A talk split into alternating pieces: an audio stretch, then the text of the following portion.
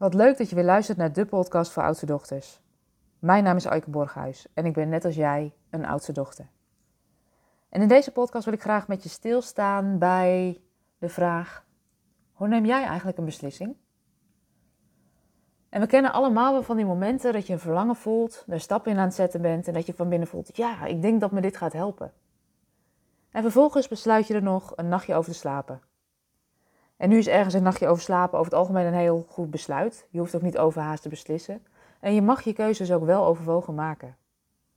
Maar wat ik bij mezelf herken, en soms ook zie gebeuren bij oudste dochters, is dat ze er niet alleen een nachtje over slapen, maar vervolgens ook in hun hoofd schieten. En je hoofd komt met allerlei praktische bezwaren waarom het nu niet de goede tijd is om een stap te zetten waarvan je diep van binnen wel voelt dat je daarna verlangt.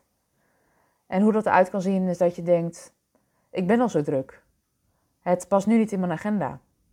De investering komt nu niet uit. Misschien moet ik me eerst nog wat beter voorbereiden.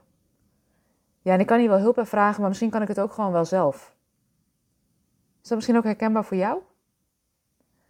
Voor mij wel. Iedere keer als ik voor een besluit sta om iets te gaan doen wat ik graag wil, dan komen er hoe dan ook beren op de weg. En persoonlijk ken ik vooral de bezwaren van geen tijd en ik moet het zelf kunnen. Die komen altijd langs als ik iets wil gaan doen wat ik spannend vind.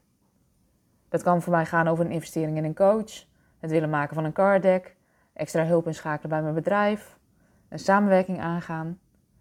En inmiddels weet ik dat mijn ego, het mijn innerlijke rechter is, die altijd op de hoek komt kijken als ik voor een keus sta. En het is niet de vraag of ze er is, maar het is de vraag in welke vorm ze verschijnt. Het is die stem van die zelftwijfel. Wie denk jij wel dat je bent? Wie zit er nu op jou te wachten? En daar heb je helemaal geen tijd voor. Doordat ik inmiddels weet dat ze altijd om de hoek komt, ben ik erop voorbereid.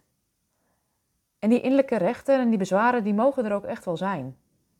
Want die innerlijke rechter en dat overlevingsmechanisme doet niet voor niks, uh, komt niet voor niks om de hoek kijken. Het is een overlevingsmechanisme om me veilig te houden. Blijf maar doen wat je al doet. Het gaat toch goed zoals het nu gaat? Maar wat ik inmiddels van mezelf weet en ook om me heen wel zie, is dat in veilig en vertrouwd niet de levenslust ligt die me het gevoel geeft dat ik leef. En wat ik de afgelopen jaren met vallen en opstaan heb geleerd, is om mijn vraag niet alleen met mijn hoofd te benaderen en allerlei logische argumenten, de voor's en de tegens op een rijtje te zetten, maar ook mijn lijf te betrekken bij het besluitvormingsproces. Want je lichaam is ontzettend wijs en reageert vaak eerder dan je hoofd. Als ik voor een belangrijke beslissing sta, neem ik tegenwoordig ook mijn lichaam mee in de besluitvorming. Hoe ik dat doe, is door te beginnen met een paar keer rustig in en uit te ademen. En ja, dat zou jou ook kunnen helpen. Want door een paar keer rustig in en uit te ademen, zak je als het ware wat meer in je lichaam. En kun je wat meer verbinding maken met dat lijf van je, wat ook ontzettend wijze informatie voor je heeft. Of informatie voor je heeft op het moment dat je een belangrijke keuze wil maken. En ik stel mezelf dan vaak de vraag: wat gebeurt er in mijn lijf als ik contact maak met de vraag: zal ik dit wel doen? En ik neem dan waar wat er gebeurt, opent of sluit mijn lichaam of mijn hart. Vervolgens maak ik contact met de vraag: wat gebeurt er als ik het niet doe? En ook nu neem ik weer waar of mijn lijf zich opent of sluit. En wat ik tegenwoordig doe, is dat ik die signalen en wijsheid van mijn lichaam meeneem in de besluitvorming als ik voor een belangrijke keus sta.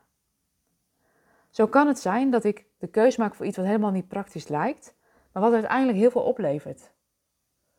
Dus de uitnodiging aan jou is, mocht je voor een keus staan, kijk dan of je naast alle logische argumenten die je hebt om iets wel of niet te doen, ook kan luisteren naar de wijsheid van je lichaam en van je intuïtie. En ik ben heel benieuwd wat het jou oplevert.